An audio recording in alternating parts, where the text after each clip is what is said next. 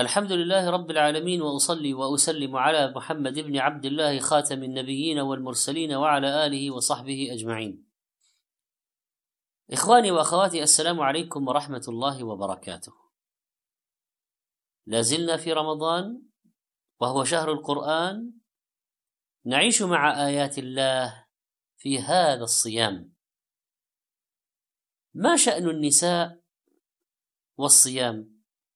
والاستمتاع بالنساء في هذا الشهر. كان الصائمون في أول الإسلام يحل لأحدهم إذا أفطر الأكل والشرب والجماع إلى صلاة العشاء. فإذا نام لم يحل له شيء من ذلك حتى لو استيقظ قبل الفجر. فأنزل الله الرخصة والتخفيف وهو الرؤوف بعباده الرحيم بحالهم. أحل لكم ليلة الصيام الرفث إلى نسائكم. أحل. مبني للمجهول. من الذي أحله إنه الله عز وجل. هذا من الله. ليلة الصيام وهذا يشمل جميع ليالي رمضان. الرفث هو الجماع والإفضاء والمباشرة بشهوة إلى نسائكم يشمل الزوجات والإماء. هن لباس لكم وأنتم لباس لهن. لا يستغني أحد من الطرفين عن الآخر. فهو بمنزلة اللباس له يخالطه ويماسه ويستتر ويحتمي به ويحفظه عن معصية الشهوة المؤذية. كما يحفظ الثوب لابسه عما يؤذيه من الحر والبرد. وكان سبب نزول هذه الآية ما حصل لبعض الصحابة من المشقة العظيمة بعدم الأكل في الليل لأجل النوم الذي نامه؟ وما حصل لبعضهم من معصية إتيان الزوجة بالليل وكان ذلك ممنوعا عليهم إذا صلوا العشاء أو نام أو نامت في الليل ولو استيقظ قبل الفجر. فقد روى البراء بن عازب رضي الله عنه قال كان أصحاب النبي صلى الله عليه وسلم إذا كان الرجل صائما فنام قبل أن يفطر لم يأكل إلى مثلها. وإن قيس بن صرمة الأنصاري كان صائما وكان يومه ذاك يعمل في أرضه. فلما حضر الإفطار أتى امرأته فقال هل عندكم من طعام؟ قالت لا ولكن أنطلق فأطلب لك.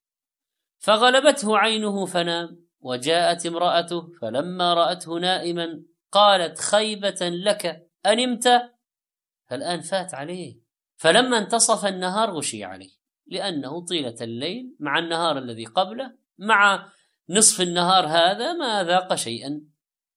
فذكر ذلك للنبي صلى الله عليه وسلم فنزلت هذه الآية أحل لكم ليلة الصيام الرفث إلى نسائكم إلى قوله وكلوا واشربوا حتى يتبين لكم الخيط الأبيض من الخيط الأسود من الفجر.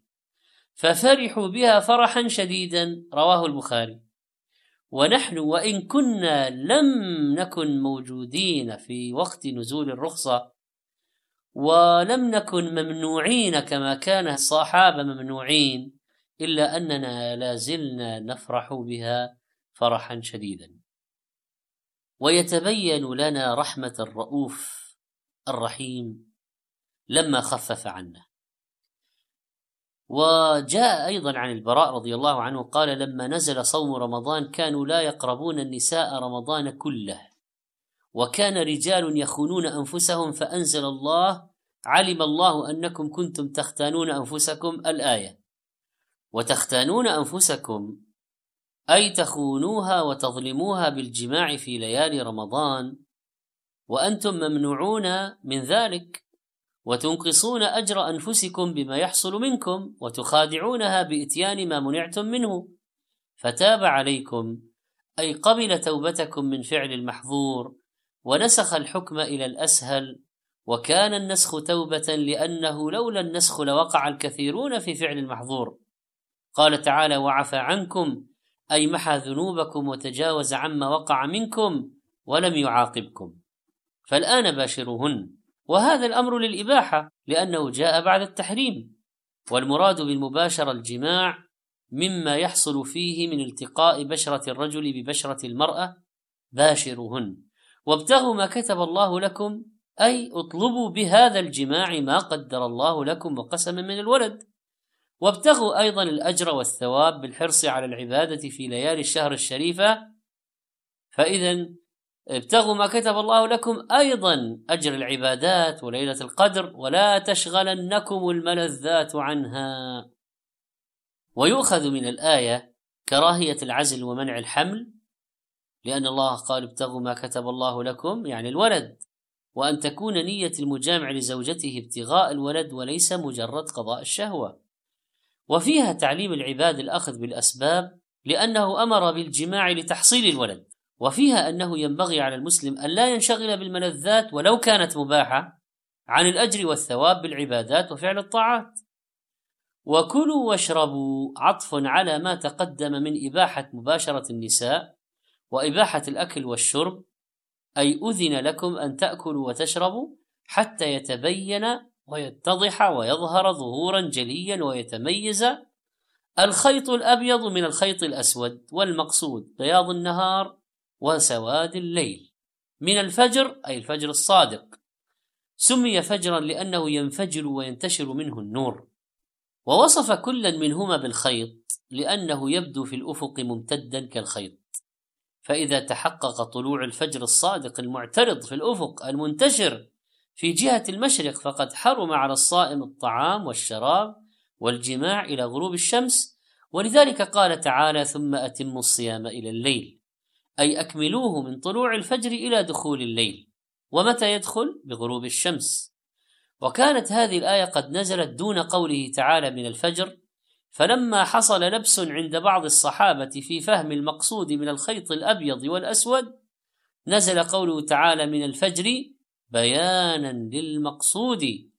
وكان بعضهم إذا أراد الصوم ربط في رجليه خيطا أبيض وخيطا أسود وجعل بعضهم عقالين أسود وأبيض تحت وسادته فلا يزال يأكل حتى يتميز له أحدهما من الآخر كما جاءت بذلك أحاديث في البخاري وغيره. هذه الآية فيها أن السحور رخصة من الله وهو الطعام الذي يؤكل في النصف الثاني من الليل إلى الفجر ومن فوائده الأجر بالأخذ بالرخصة وأنه أعون على الصيام وفي أكله بركة ومخالفة لأهل الكتاب ويعين على القيام لصلاة الفجر والله وملائكته يصلون على المتسحرين. ويؤخذ من الآية أن من كان يجامع قبل الفجر فطلع الفجر وجب عليه أن ينزع. ومن جامع قبل الفجر ونزع عند طلوعه وصار جنبا إلى أن بدأ النهار فلا حرج عليه وجنابته لا تضر صومه. وقد ثبت في البخاري ومسلم أن النبي صلى الله عليه وسلم كان يصبح جنبا من جماع غير احتلام ثم يغتسل ويصوم رواه البخاري. ويؤخذ من قوله تعالى ثم أتم الصيام إلى الليل عدم مواصلة الصوم إلى ما بعد المغرب.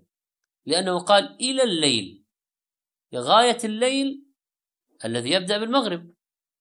بل يستحب تعجيل الفطر. وفي ذلك مخالفة لأهل الكتاب والتقرب إلى الله تعالى بمخالفتهم لأن أحب عباده إليه أعجلهم فطرا وفيه حماية العبادة من الزيادة. حماية العبادة من الزيادة. وما ورد من التعبد بالوصال خاص بالنبي صلى الله عليه وسلم لأن ربه يطعمه ويسقيه. وفي ذلك تفصيل. ولما أباح تعالى مباشرة النساء في الليل في شهر الصيام ذكر حالة لا يجوز فيها قربان النساء بشهوة لا في الليل ولا في النهار. ما هي؟ حالة المعتكف.